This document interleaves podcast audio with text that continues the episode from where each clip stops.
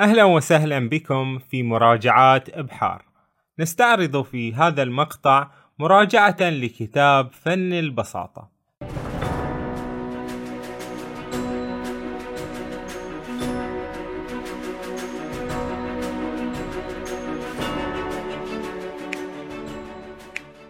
كتاب يحرضك على أن تتخلص من كل الحاجيات الغير مفيدة التي تحتفظ بها في منزلك. نزعة التقليلية مينيماليزم هي نزعة صارت تستخدم في العمارة والتصميم الداخلي وهي بالمجمل نمط حياة. تدفعك نحو أن تتخلص من كل الملابس وتبقي لك مجموعة صغيرة جدا وأن ترمي كل ما ليس له حضور جوهري في حياتك. فكيف سيبدو منزلك الآن بعد أن صرت تقليديا؟ صالة فارغة لا يوجد بها سوى كنبة واحدة ومخدة واحدة وسجادة واحدة. هل هذا نوع من الزهد؟ ليس بالضبط. الفكرة لديهم هي تصفية الذهن. فعندما ترى أكواما من الأشياء تكون في توتر مزمن. فكل هذه الأشياء المكدسة تشوه المنظر وتسمم أوقاتك التي تقضيها في هذا المكان.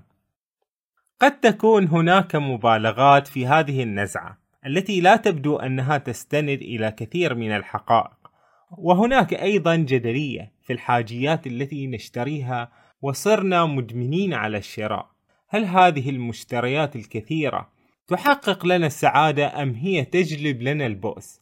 عن نفسي أفرح حين أتبضع في السوبر ماركت لأجلب أغراضا جديدة للمنزل أو عندما أشتري لي شيئا جديدا من لبس أو أجهزة إلكترونية.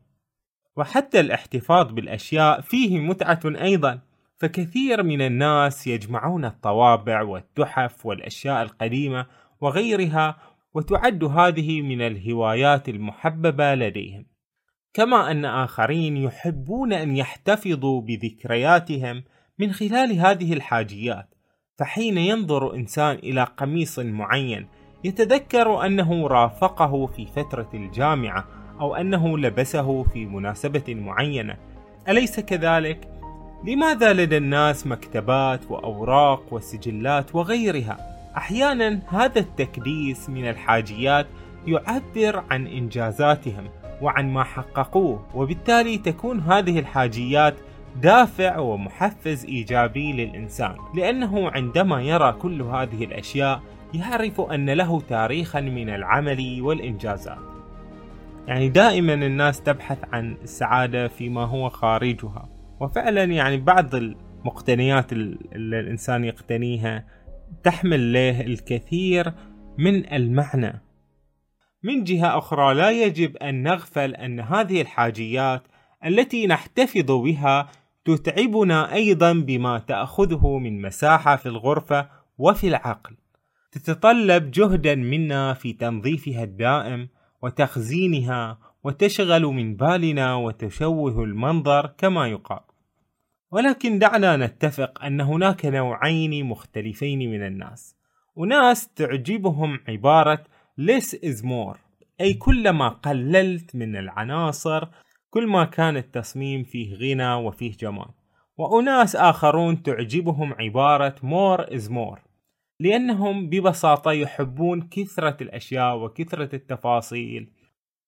أناس يميلون بطبعهم إلى وجود عناصر قليلة جدا في المبنى أو الغرفة فتكون كل الجدران مصمتة ولا يميزها أي شيء سوى لوحة بسيطة هي الأخرى لا يوجد فيها كثير من التفاصيل. ولا تزيد الألوان في المكان عن لونين وتفضل هذه المدرسة التقليدية الأبيض والأسود والرمادي. أما الذين يميلون إلى الكثرة فيحبون التنوع في الزخارف والألوان والأشكال وتجد هناك الكثير من التفاصيل بل حتى والفوضى. للأمانة أنا أميل شوي إلى هذا الاتجاه.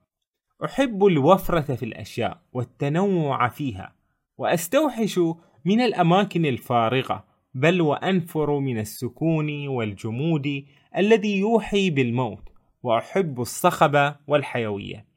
كما أحب أيضا أن أحتفظ بأشياء الخاصة كتذكار للأيام الجميلة التي كانت فيها معي. وهناك أشياء نملكها منذ سنين طويلة فعلا تعبر عنا يحتفظ أناس بخمار أمهم المتوفية أو بغترة أبيهم أو نظارة أو كتابات بخط اليد أو غيرها من الحاجيات الشخصية التي تكون لها قيمة معنوية كبيرة في التذكير بهذا الشخص. أما ما نفعله من الاحتفاظ بكل شيء فلا شك أن المبالغة في هذا الأمر هو أمر غير مستحب، فنحن نملك الأشياء وهي تملكنا أيضا، فلا بد أن تكون لدينا الجرأة للتخلص مما لا يحمل قيمة مادية أو معنوية في حياتنا. وسؤالي لكم أي العبارات تجدونها أقرب إلى ذوقكم؟ Less is more أو more is more.